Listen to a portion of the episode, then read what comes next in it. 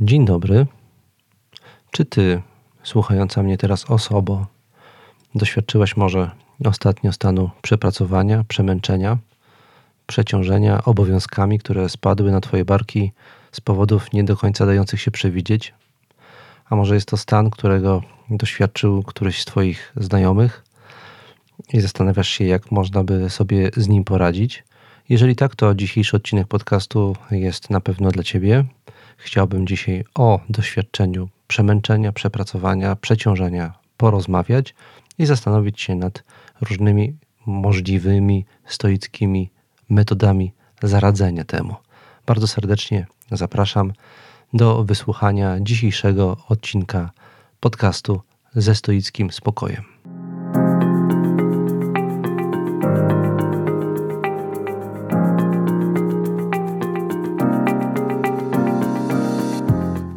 Mamy ograniczony wpływ na to, gdzie i pośród jakich ludzi żyjemy. Nie my decydujemy, co nam się codziennie przydarza. Od nas jednak zależy, jak to przyjmujemy i jakimi stajemy się ludźmi. Nazywam się Tomasz Mazur, jestem współczesnym praktykującym stoikiem i zapraszam do wysłuchania mojego podcastu ze stoickim spokojem.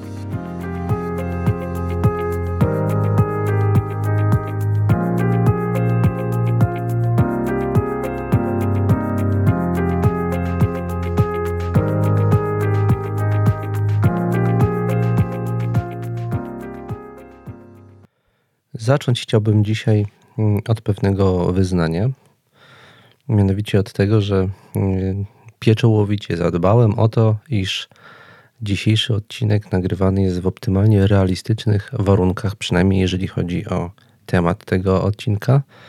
Mm, mianowicie ja ostatnio znajduję się właśnie w stanie pewnego przepracowania, przeciążenia obowiązkami Stąd przyszedł mi do głowy temat e, tego podcastu mm, i jako stoik próbuję sobie jakoś z tym radzić. Znam też wiele osób, które doświadczają podobnego stanu.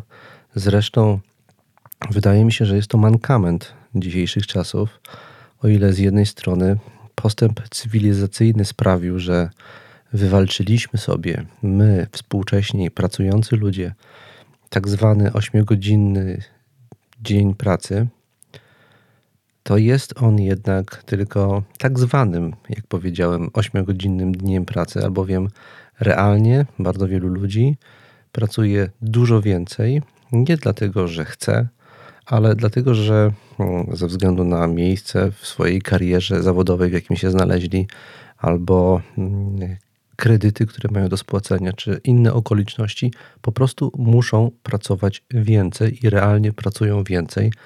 Ja mieszkam w Warszawie, gdzie mieści się siedziba wielu międzynarodowych korporacji i firm, i wiem, jak pracują ludzie w takich firmach, jak wielkie, wielka odpowiedzialność z jednej strony na ich barkach spoczywa, i jak wiele różnych związanych z tą odpowiedzialnością zadań na nich regularnie spada, także czują się oni zmuszeni do tego, żeby przesiadywać e, w pracy przez długie godziny, a nierzadko także brać tą pracę ze sobą do domu, czemu pomagają różne elektroniczne narzędzia. My dzisiaj wychodząc do, z pracy do domu nie wyszliśmy do końca z pracy, albowiem cały czas mamy komórkę, na którą przychodzą powiadomienia, maile, na które my jeszcze widzę to nierzadko w metrze, kiedy jadę, odpisujemy, a więc jesteśmy cały czas w pracy, a więc ta granica nawet dzisiaj się zatarła między czasem pracy, a czasem e, wolnym od pracy. No i więc o tym dzisiaj doświadczeniu, także moim, chciałbym z perspektywy stoickiej mm, opowiedzieć.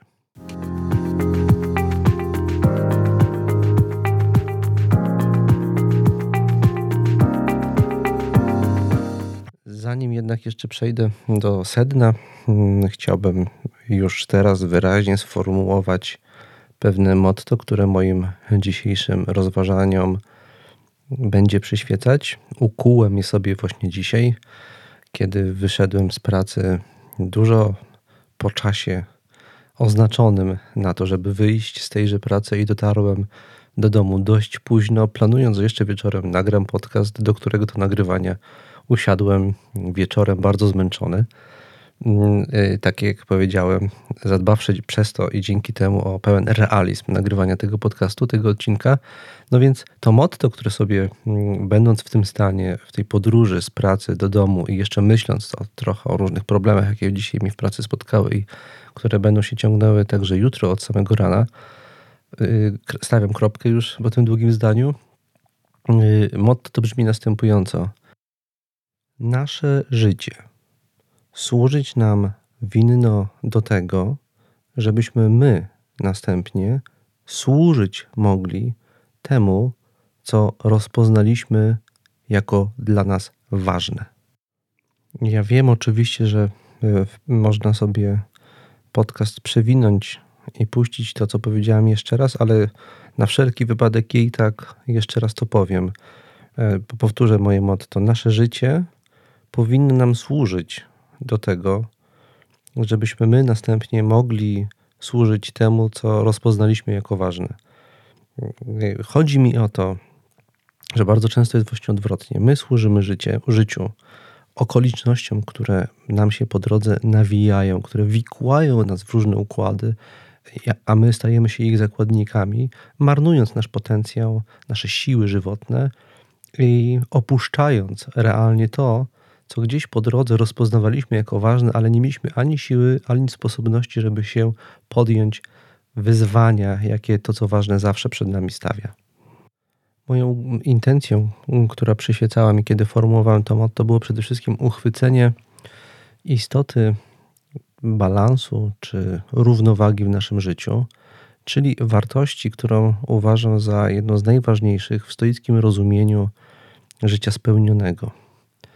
I właśnie ta wartość doznaje uszczerbku, czy jest zagrożona w momencie, w którym doświadczamy w naszym życiu przepracowania. Jeżeli mówimy o przepracowaniu, to mówimy o naruszaniu pewnej fundamentalnej równowagi w naszym życiu, w którym my już dłużej nie możemy podążać za tym, co uznaliśmy w życiu za ważne. I w ten sposób yy, tracimy coś, co jest podstawą radości życia.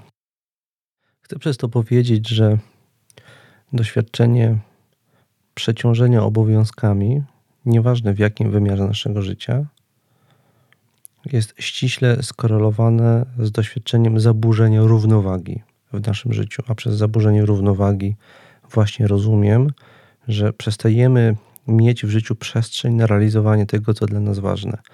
W związku z czym, już wstępnie chciałbym powiedzieć, że kluczowe w doświadczeniu przeciążenia pracą nie jest samo zmęczenie, ale brak możliwości wykorzystania naszej energii na to, co także w naszym życiu uważamy za ważne, a czego nie możemy realizować.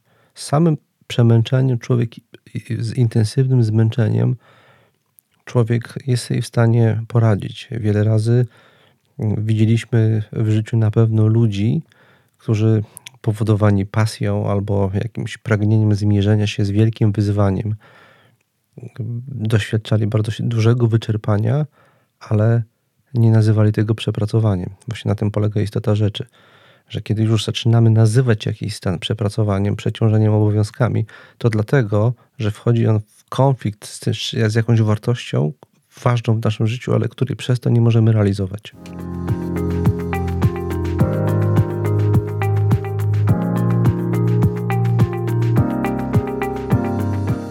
Już chciałem teraz śmiało ruszyć naprzód w moich dzisiejszych wieczornych, zmęczonych rozważaniach, ale poczułem taki wewnętrzny, sokratejski głos powstrzymujący mnie od tego i nakazujący wrócić kilka kroków, cofnąć się o kilka kroków i zadać pytanie fundamentalne, filozoficzne co to właściwie jest praca. My na co dzień używamy tego słowa w komunikacji, mówiąc, że musimy nad czymś popracować, mm, coś przepracować, pójść do pracy, wykonać jakąś robotę, e, ale rzadko zastanawiamy się nad sensem tego słowa, co właściwie mamy przez to na myśli.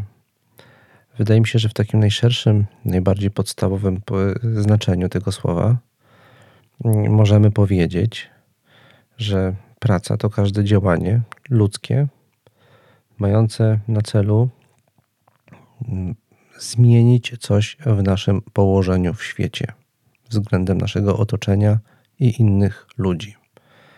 Tak rozumiana praca może być motywowana potrzebą moją bądź innych osób. E, potrzeba zazwyczaj tak jest właśnie skonstruowana, że żeby ją zaspokoić, muszę wykonać pracę mającą na celu albo mającą przynieść efekt w postaci zmiany okoliczności czy położenia, w jakim się znalazłem. Jeżeli chcę, i to jest najprostszy przykład, mm, żeby było mnie stać na nabycie domu, czy samochodu, czy czegokolwiek innego, muszę wykonać pewne działania, które pozwolą mi na taki zakup. Ale y, w dużo bardziej prozaicznym wymiarze, jeżeli chcę, y, żeby było mi wygodniej w moim życiu, to także muszę wykonać pewną pracę, wykonać pewien wysiłek, żeby tej wygody sobie dostarczyć. I albo jeżeli chcę zbliżyć się z jakąś osobą, z którą z różnych powodów nie jestem blisko, to podobnie muszę wykonać cały szereg działań w postaci telefonu, umówienia się na spotkanie, przygotowania się do tego spotkania, zrobienie ewentualnie czegoś miłego dla tej osoby, co załóżmy powinienem zrobić. Wszystkie te działania wymagają ode mnie pewnego wysiłku, pewnego namysłu, a więc w pewnym sensie pewnej pracy. Ja muszę popracować nad czymś. To jest bardzo szerokie e, znaczenie słowa praca, ale właśnie e, też na co dzień tego słowa w bardzo różnych dziwnych kontekstach używamy. Niekiedy używamy te, te, tego słowa w węższym znaczeniu, a mianowicie w znaczeniu pracy zarobkowej, ale bardzo często też używamy w szerszym znaczeniu, mówiąc o każdym działaniu mającym przynieść jakiś konkretny rezultat w naszym życiu. E, tak jak powiedziałem wcześniej, e, mającym na celu przeprowadzenie w naszym życiu jakiejś zmiany, okoliczności i naszego położenia. O tej pracy w węższym znaczeniu, którą nazwałem pracą zarobkową, mówimy zazwyczaj wtedy, kiedy wykonujemy działania mające nam zapewnić utrzymanie oraz dostarczyć możliwości zaspokojenia najrozmaitszych potrzeb, y, potrzeb, jakie tylko mogłyby nam przyjść do głowy, jakie tylko moglibyśmy poczuć. Zazwyczaj też następnie tak rozumianą pracę zarobkową, czyli tą pracę w węższym tego słowa znaczeniu, odróżniamy od wszelkich działań niezarobkowych, które dla wygody terminologicznej określamy różnymi mianami, e, czyli na przykład jako samorealizację, albo rozrywkę, albo po prostu odpoczynek. Czyli te działania, które mają na celu mm, zdobycie środków na utrzymanie i realizację potrzeb, nazywamy pracą zarobkową, pracą w węższym znaczeniu, natomiast te działania, które są efektem już tak zdobytych mm, środków, nazywamy samorealizacją, odpoczynkiem albo rozrywką.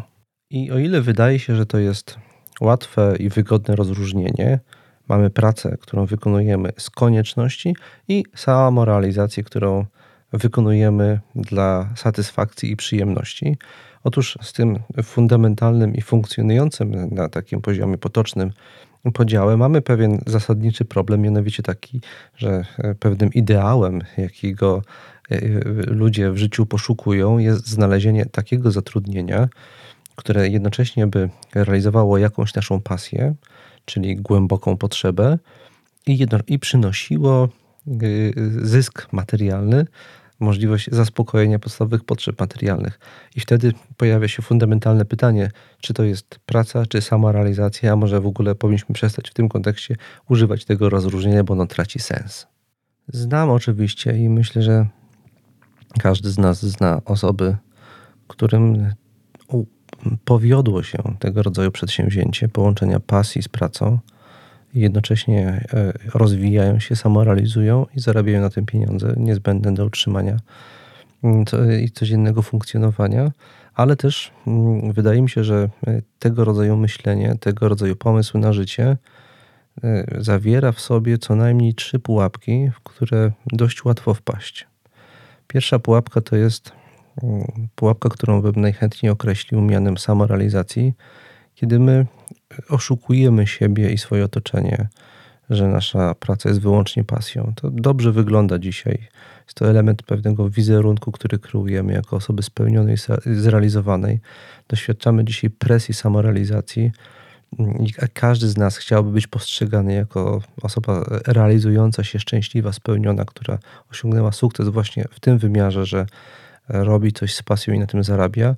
I mm, y, bardzo często udajemy jedynie to, że robimy to z pasją, podczas gdy ta praca na co dzień dostarczy nam dużo udręki i gdybyśmy moglibyśmy wcale bardzo wielu rzeczy, które rzekomo tak kochamy i tak, tak się nimi pasjonujemy, byśmy nie robili.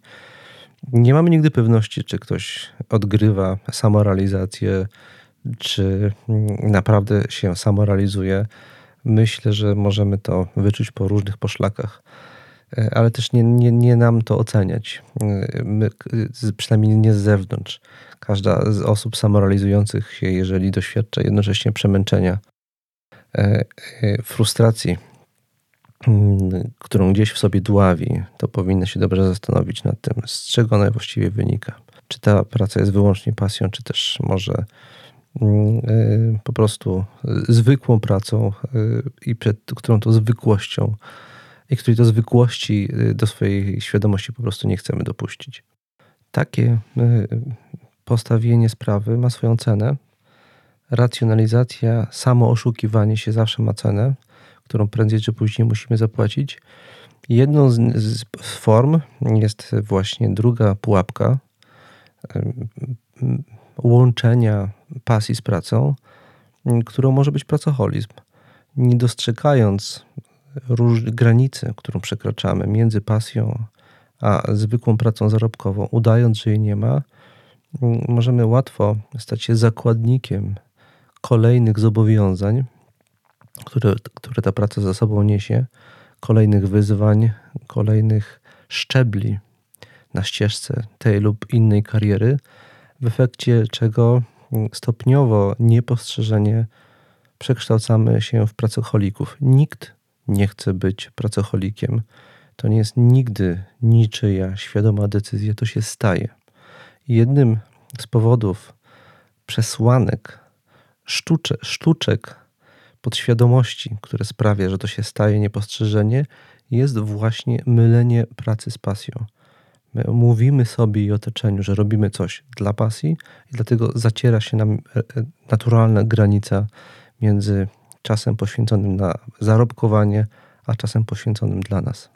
I to się także w naturalny sposób wiąże z trzecią pułapką mm, zacierania granicy między pasją a pracą, mianowicie mm, z obrzydzaniem sobie pasji.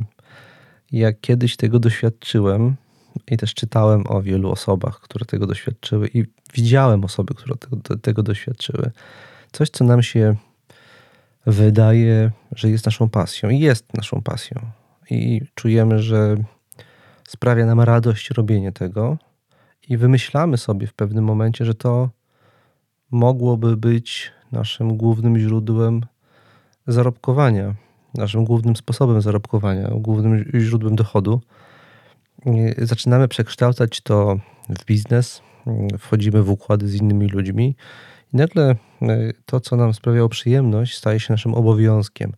I tak to przejście potrafi być bardzo złudne i niebezpieczne, bo to, co jest dla nas przyjemne, czasami jest przyjemne właśnie dlatego, że nie musimy tego robić.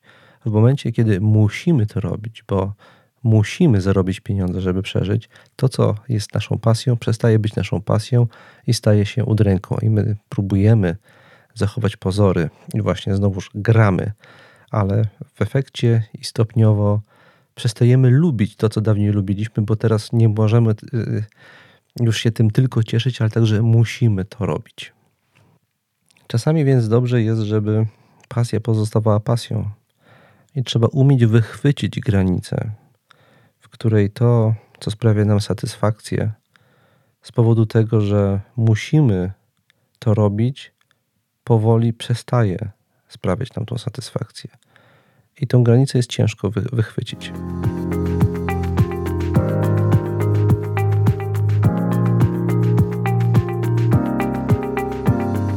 Teraz chciałem zacząć mówić już o tym, co jest najważniejszym punktem dzisiejszego spotkania, dzisiejszego odcinka podcastu, mianowicie o samym doświadczeniu przepracowania, przeciążenia obowiązkami.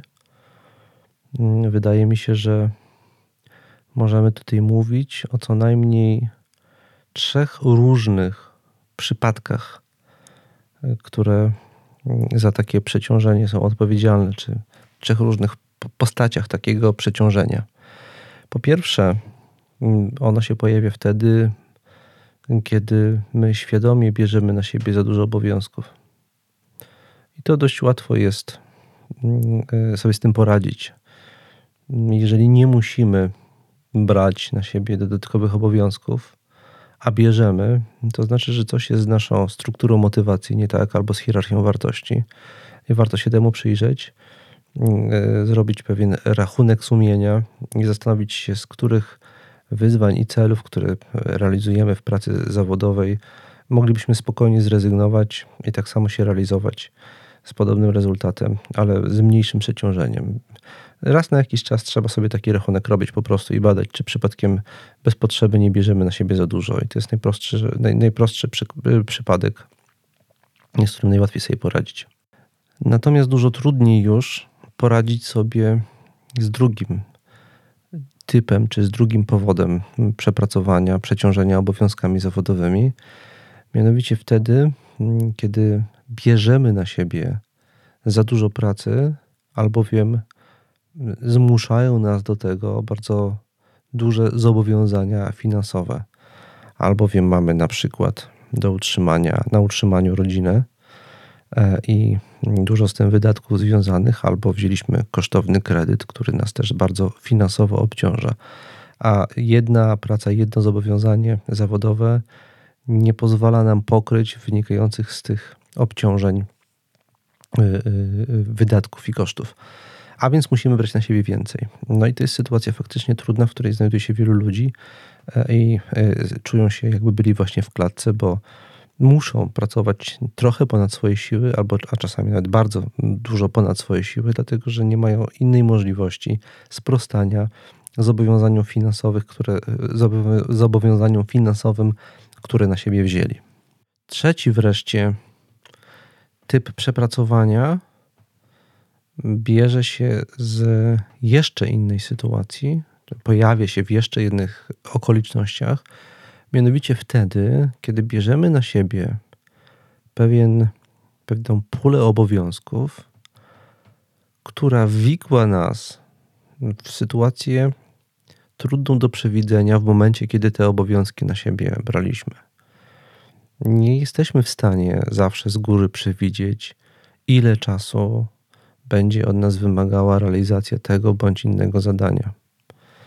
Więcej, podczas realizacji poszczególnych zadań, do wykonania których się zobowiązaliśmy w ramach określonego kontraktu, mogą się pojawić przeciwności mm, niezawinione przez nas, ale wynikające z pewnego układu odniesienia, w którym się znaleźliśmy, zmian w regulacjach prawnych albo e, zmianą w rynku, e, na rynku, w którym, na którym funkcjonujemy. Są to wszystko stany rzeczy, których nie mogliśmy przewidzieć, a które mogą generować dodatkowe obciążenia dla nas, dodatkowe obowiązki e, i dodatkowy nakład czasu i energii na wykonanie pracy, którą wydawało nam się wcześniej, że zajmie nam dużo mniej czasu i tejże energii. Wreszcie e, może się e, pojawić sytuacja, w której czego nie mogliśmy przewidzieć, musimy wziąć na siebie część obowiązków któregoś z naszych współpracowników, który albo wiem, zachorował ciężko, albo musiał zrezygnować z pracy, i zanim znajdziemy zastępstwo, my musimy, jako załóżmy przełożeni czy odpowiedzialni za tą część wykonanej roboty, przejąć część obowiązków drugiej osoby. To są sytuacje, których które, które bardzo często trudno jest przewidzieć, a które generują, tak jak powiedziałem, dodatkowe okresowe obciążenia. I właśnie na przykład ten mm, trzeci typ uwikłania zawodowego, przeciążenia pracą właśnie mi się przydarzył, gdzie od y, ponad miesiąca funkcjonuję w sytuacji przepracowania, mm, bo musiałem przejąć na siebie część obowiązków y, osób, które mm, z powodów zdrowotnych nie mogły ich wykonywać. Następnie też w miejscu mojego codziennego zatrudnienia pojawiła się większa niż mogłem wcześniej przewidywać ilość różnych problemów wygenerowanych trochę przez okoliczności, trochę przez moment, w którym się znaleźliśmy, e, w efekcie czego pracuję więcej niż powinienem e, i e, to spoczywa na moich barkach. Czuję dość często pewien poziom przepracowania i jako stoik próbuję sobie jakoś z tym poradzić i do tego właśnie, do tych różnych sposobów radzenia sobie z tą sytuacją teraz chciałbym przejść.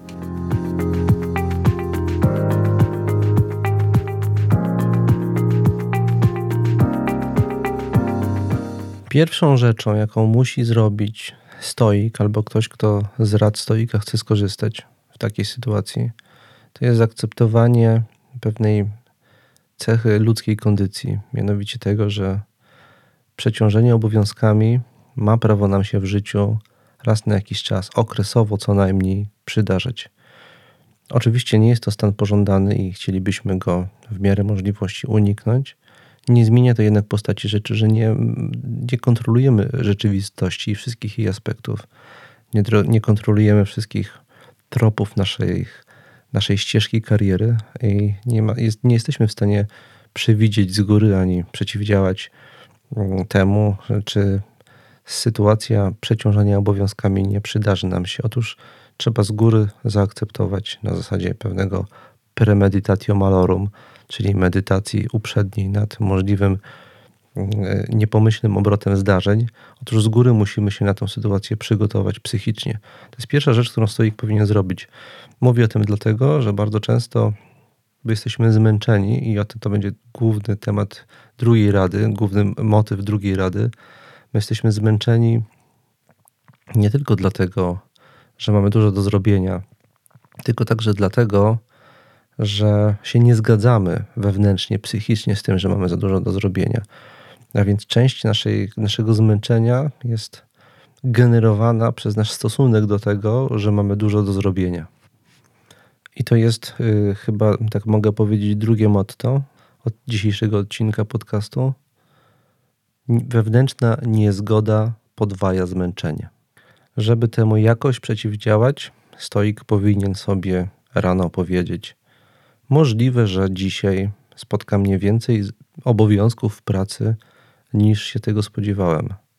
Ale przecież też nikt nigdy nie obiecywał mi, że tak nie będzie. Taka już jest natura naszego życia, że nieprzewidziane okoliczności mogą nam się przydarzyć codziennie i mogą sprawić, że będziemy mieli do zrobienia więcej niż się spodziewaliśmy. I to prowadzi do drugiego punktu, drugiej stoickiej rady, która wymaga refleksji, fundamentalnego namysłu nad naturą zmęczenia i do oddzielenia zmęczenia od cierpienia. Nam w sposób naturalny, ze względu na nasze zarówno ewolucyjne uposażenie, jak i cały szereg nawyków wpojonych nam przez kulturę i wychowanie, gdzie kojarzymy pracę z trudem. W sposób naturalny łączy nam się w świadomości zmęczenie, jakiego w różnych okolicznościach życia doświadczamy, z udręką i cierpieniem. Podczas gdy są to dwa różne stany psychiczne, które w ramach stoickiego treningu powinniśmy uczyć się oddzielać. Czym innym jest zmęczenie, czym innym jest cierpienie z powodu tego zmęczenia. Fakt że jesteś zmęczony, że ja doświadczam w tej chwili stanu zmęczenia, przemęczenia, jest czym innym niż mój emocjonalny stosunek do tego stanu. Żeby to sobie zobrazować i zrozumieć, o czym mówię, proszę sobie wyobrazić, Wyobraź sobie, proszę, przypomnij sytuację, w której byłeś w życiu albo byłaś w życiu bardzo zmęczona czymś, e, co jednocześnie sprawiało ci dużą frajdę. E, ja widzę, e, wiele razy widziałem na siłowni osoby, które były bardzo zmęczone i jednocześnie były z tego powodu bardzo zadowolone. Otóż nie zmęczenie jest źródłem naszej frustracji i cierpienia. To nasz stosunek do zmęczenia tu i teraz. Przekonanie, że nie powinniśmy go doświadczać. On właśnie sprawia, że to zmęczenie staje się naszą udręką. Jeżeli zmienimy nasz stosunek do, do zmęczenia, to przestaje to być nasza udręka. Wiele razy w moim życiu zdarzyło mi się, kiedy byłem pracownikiem akademickim na przykład i oddawałem się z pasją i z miłością lekturze ulubionych tekstów, następnie przetwarzałem je na tworzenie e, eseju naukowego. Sprawiało mi to autentyczną radość i czasami zapomniałem, zapominałem nawet o upływającym czasie. Nagle się orientowałem, że e, powinienem już dawno skończyć e, i udać się na jakieś inne zajęcia, oddać się jakimś innym zajęciom. Nie dostrzegałem tego w ogóle, nawet że jestem zmęczony. W pewnym momencie dopiero uświadomiłem sobie, jak bardzo jestem zmęczony tą intensywną pracą umysłową, którą wykonywałem.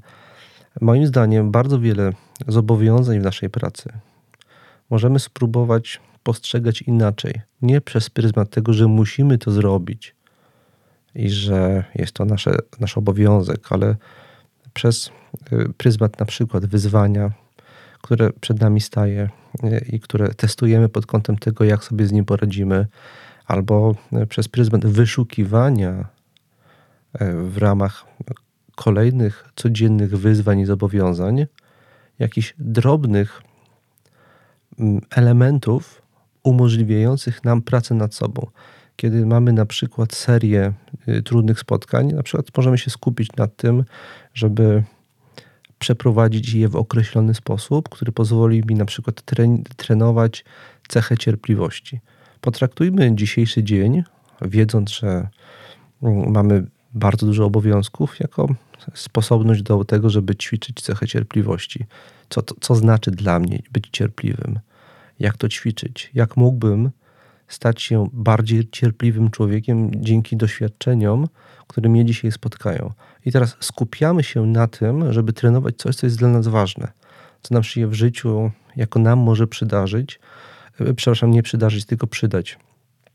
I wtedy to zmienia w ogóle nasz stosunek do tego, wyzwania, przed jakim stajemy. On, przestajemy go postrzegać wyłącznie w kategoriach kolejnej żmudnej czynności do wykonania, ale zaczynamy to postrzegać jako element pewnej gry i pewnej pracy nad sobą i to przenosi akcent z żmudnego przedsięwzięcia na intrygujące wyzwanie. Przez to sprawiamy, że to zmęczenie, którego przy okazji doświadczamy, przestaje już być dla nas tylko zmęczenie, ale także mm, y, trudem, znojem, doświadczonym w imię walki o coś ważnego.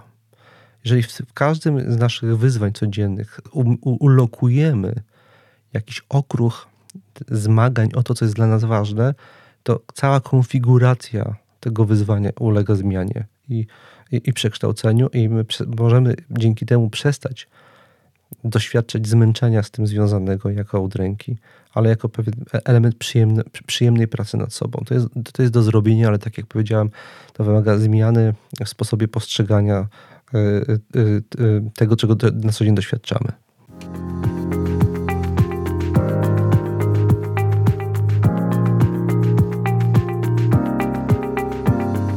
Trzecia bardzo ważna rada stoicka dla osób, które znalazły się w położeniu okresowym, w którym muszą wykonywać więcej obowiązków niż, niż powinny, albo nawet czasami niż potrafią. Bo możemy znaleźć się w sytuacji, w której zwala się na nas tyle zobowiązań, że bardzo łatwo sobie wyobrazić, że których, któregoś z ważnych zadań nie uda nam się mm, na odpowiednim poziomie, spełniającym nasze standardy albo standardy, których się od nas oczekuje, zrealizować. No I to jest niebezpieczne o tyle, że y, tak długo jak staramy się za wszelką cenę dochować tych standardów, e, dokładamy sobie dodatkowego obciążenia emocjonalnego, bo częścią zmęczenia i częścią stresu, który wiąże się z przepracowaniem, jest związane z lękiem przed niezrealizowaniem jakiegoś ważnego zawodowego e, zadania, przed niewywiązaniem się z jakiegoś ważnego zobowiązania. E, I to jest kolejny powód, dla którego to nie ilość pracy jest źródłem przemęczenia i nie tylko ilość pracy jest źródłem przemęczenia, ale lęk, jaki towarzyszy ryzyko niewywiązania się z niektórych zobowiązań. On nas obciąża, takie tak jakbyśmy robili trzy, trzy rzeczy więcej niż robimy. Albo trzy razy cięższe wyzwanie przed nami staje niż robimy, przez to, że dołożony jest do niego ten niewidzialny, niewidzialny ciężar w postaci lęku przed y, y, niewywiązaniem się ze zobowiązania, które na siebie wzięliśmy. Żeby temu zaradzić, w momencie, kiedy doświadczamy nadmiaru obowiązków, trzeba zaakceptować to, że któreś z ważnych celów, któregoś z ważnych zadań, któregoś z ważnych celów nie uda nam się zrealizować. I czas jej powiedzieć, najwyżej coś się zawali, albo kolokwialnie, najwyżej coś rypnie. Nie jesteśmy w stanie zrobić wszystkiego. I trzeba sobie to powiedzieć i trzeba sobie dać na to zgodę. Oczywiście dalej robimy swoje, tak dobrze jak tylko potrafimy, ale trzeba sobie dać na to zgodę i zaakceptować to, że pewne rzeczy mogą nam się nie udać po prostu. E, ktoś będzie na nas wściekły z tego powodu. Mm, e, firma w jakiś sposób na tym straci. Ktoś może będzie miał do nas żal. Trudno, takie jest życie, że czasami różni ludzie e, nieznający sytuacji, w której my akurat się znaleźliśmy, będą z tego powodu na nas mieli żal. Tego nie unikniemy. Trzeba to zaakceptować i pogodzić się z tym i dalej robić swoje. Kolejna rada, czwarta już, od której być może powinienem był zacząć, mm, to jest troska o mm, złoże energetyczne. My y, na pewnym wysokim poziomie zaangażowania realizujemy nasze zadania, czujemy się wyczerpani e, i stres łatwiej stajemy się ofiarą stresu i różnych problemów emocjonalnych związanych z przepracowaniem, kiedy mm, my jesteśmy mm, słabo wyposażeni w taką naturalną życiową energię. Mm, bo na przykład nie dosypiamy, bo się źle odżywiamy, bo nie dbamy o kondycję fizyczną naszego organizmu, bo stosujemy za dużo używek w ramach higieny psychicznej o te cztery rzeczy powinniśmy e, zadbać. Czyli starać się e, zabezpieczyć minimum snu. Każdy z nas wie, ile powinien spać. To jest żelazna reguła, żeby w, okresie przepracowania pilnować, żeby spać tyle, ile nasz organizm powinien. Ewentualnie nieznacznie to ograniczać. Nawet kosztem realizacji jakiegoś ważnego zadania w pracy trudno jeżeli ty będziesz przemęczony, to obniży się jakość twojego, twojego, twojego działania, w efekcie czego będziesz musiał więcej czasu poświęcić na to, na co to masz do zrobienia. I więc nic na tym nie zyskasz w dłuższym wymiarze czasu. Trzeba to sobie jasno powiedzieć. Po drugie, dobre odżywianie się. Po trzecie, jeżeli to jest możliwe, raz, dwa, trzy razy w tygodniu wyskoczyć na jakąś szybką przebieżkę, zadbać albo poćwiczyć rano trochę pompek, skłonów, e, rozciągania się. Trzeba też na to znaleźć odrobinę czasu. I wreszcie mm, pilnowanie, żeby nie przesadzić z używkami. Jest taki naturalny pociąg, żeby się jeszcze doładować jakimś energetykiem, trochę więcej kawy w siebie wchłonąć, żeby jeszcze przetrwać te, te, te dwie, trzy godziny. Trzeba z tym uważać e, bo można bardzo łatwo wydrynować nasz organizm z, z wszelkich pokładów energetycznych i w pewnym momencie po prostu odpaść. To była czwarta rada. Piąta rada yy, to mm, pewna taka czułość w stosunku do siebie, wrażliwość, przyglądanie się sobie, czy nie zbliżamy się do granicy, gdzie to przepracowanie jest po prostu niebezpieczne dla naszego organizmu i kiedy widzimy, że się zbliżamy, musimy się wyłączyć i powiedzieć musimy, że nie dajemy rady, musimy się zatroszczyć o siebie, o własną energię, o własny organizm Bez tego po prostu przepadniemy. Trzeba co jakiś czas badać siebie, czasami poprosić kogoś bliskiego, żeby dał mi sygnał, e, że widzi, że już jest niedobrze i że powinieneś odpuścić. I wtedy nawet kosztem tego, że w pracy coś się zawali. Co z tego, że w pracy się e, coś nie zawali, skoro ty zniszczysz siebie, a naprawdę nie warto.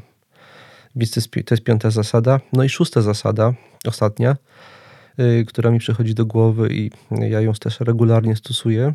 Ja lubię liczyć yy, i yy, to mi pozwala zdobyć dystans. To znaczy, ja sobie zapisuję, ile godzin dziennie pracuję na tak zwaną pracę zarobkową, wyraźnie zdefiniowaną. Ja robię to sobie ja mogę dzięki temu zrobić przegląd miesięczny, tygodniowy, e, zobaczyć, e, czy jest wzrost, czy jest spadek, e, poddać analizie ilość zobowiązań, które na siebie biorę. Jeżeli ilość godzin przepracowanych realnie jest przez jakiś czas za długa, no to jest dla mnie sygnał, żeby przemyśleć całą swoją strukturę zatrudnienia coś zmienić, zaproponować osobom, z którymi współpracuję, zmianę struktury, podziału obowiązków, bo ja mam ewidentne, twarde dane, że ja za dużo pracuję. I z takimi danymi można dużo różnych rzeczy zrobić, bo też można rozbijać to na mniejsze kategorie, sprawdzać, ile godzin poświęciłem na co i czy faktycznie pracowałem efektywnie. Więc tutaj można, są dzisiaj różne narzędzia do tego, różne aplikacje za pomocą których można mierzyć sobie, ile czasu poświęciłem na pracę nad czym e, i zastanawiać się, która z tych prac jest najbardziej efektywna, w którym obszarze mógłbym na przykład e, zlecić coś komuś, e, jak to się mówi, zdelegować, albo wymóc na firmie, żeby zatrudniła kogoś innego. I to jest też narzędzie do tego, żeby w pewnym momencie zrewidować swoje, swoją sytuację, i w sposób y, y, przeprowadzić radykalne kroki, żeby zmienić y, pracę, jeżeli to jest konieczne, bo w danej pracy się po prostu spalamy. Jeżeli widzimy, że z miesiąca na miesiąc regularnie pracujemy za dużo, więcej niż powinniśmy, powiedzmy, że 40 godzin tygodniowo to jest taki limit.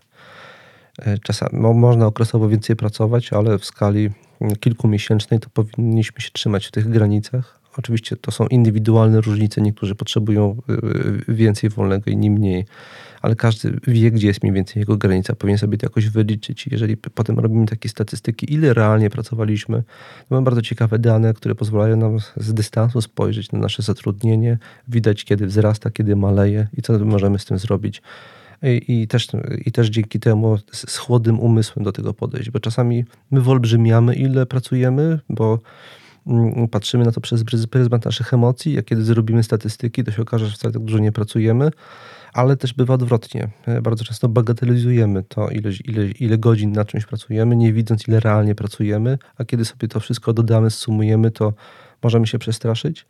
Jakiś czas temu byłem świadkiem takiego eksperymentu na grupie uczniów, gdzie mieli oni wykorzystać aplikację w telefonie, e, e, i, która im liczy Mm, im liczy ilość godzin, które spędzają w, tele, w telefonie. Byli najpierw spytani mm, ci uczniowie, jak oni uważają, ile godzin dziennie spędzają patrząc się w ekran swojego telefonu. E, I oni podali określoną liczbę. Następnie za pomocą tej aplikacji mieli zmierzyć, podać, ile realnie spędzają w telefonie. I byli zaskoczeni, bo wszyscy podali e, liczbę dwa razy mniejszą od realnej.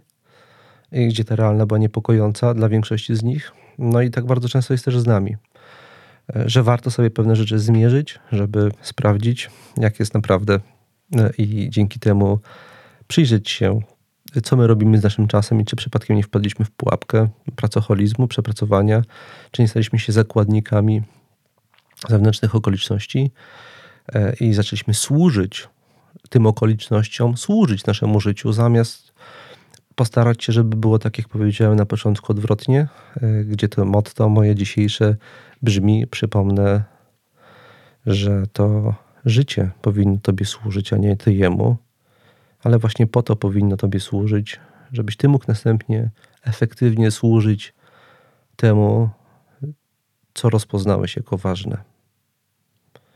I tym też mottem chciałbym zakończyć i relacjonuje jednocześnie, że jest 23.12 Byłem dzisiaj w pracy o 8.10.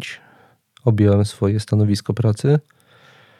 Musiałem zrealizować coś, później po pracy jeszcze zostać dłużej, na co nie miałem czasu.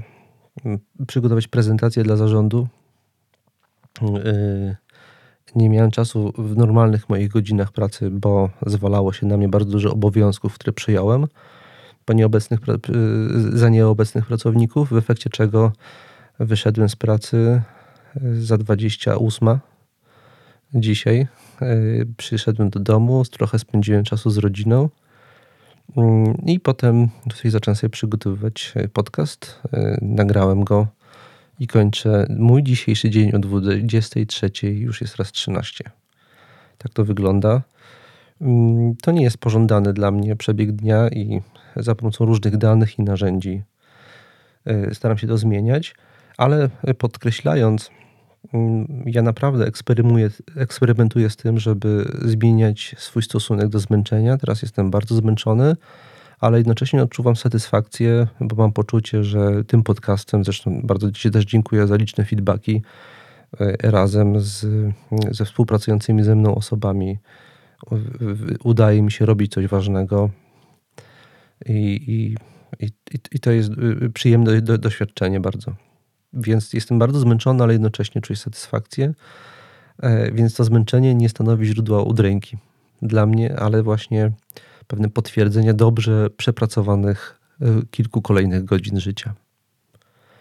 To powiedziawszy, bardzo dziękuję za wysłuchanie dzisiaj i zapraszam do słuchania następnych odcinków. Jednocześnie chciałem zaprosić na warsztat, który razem ze Stoicway szykujemy.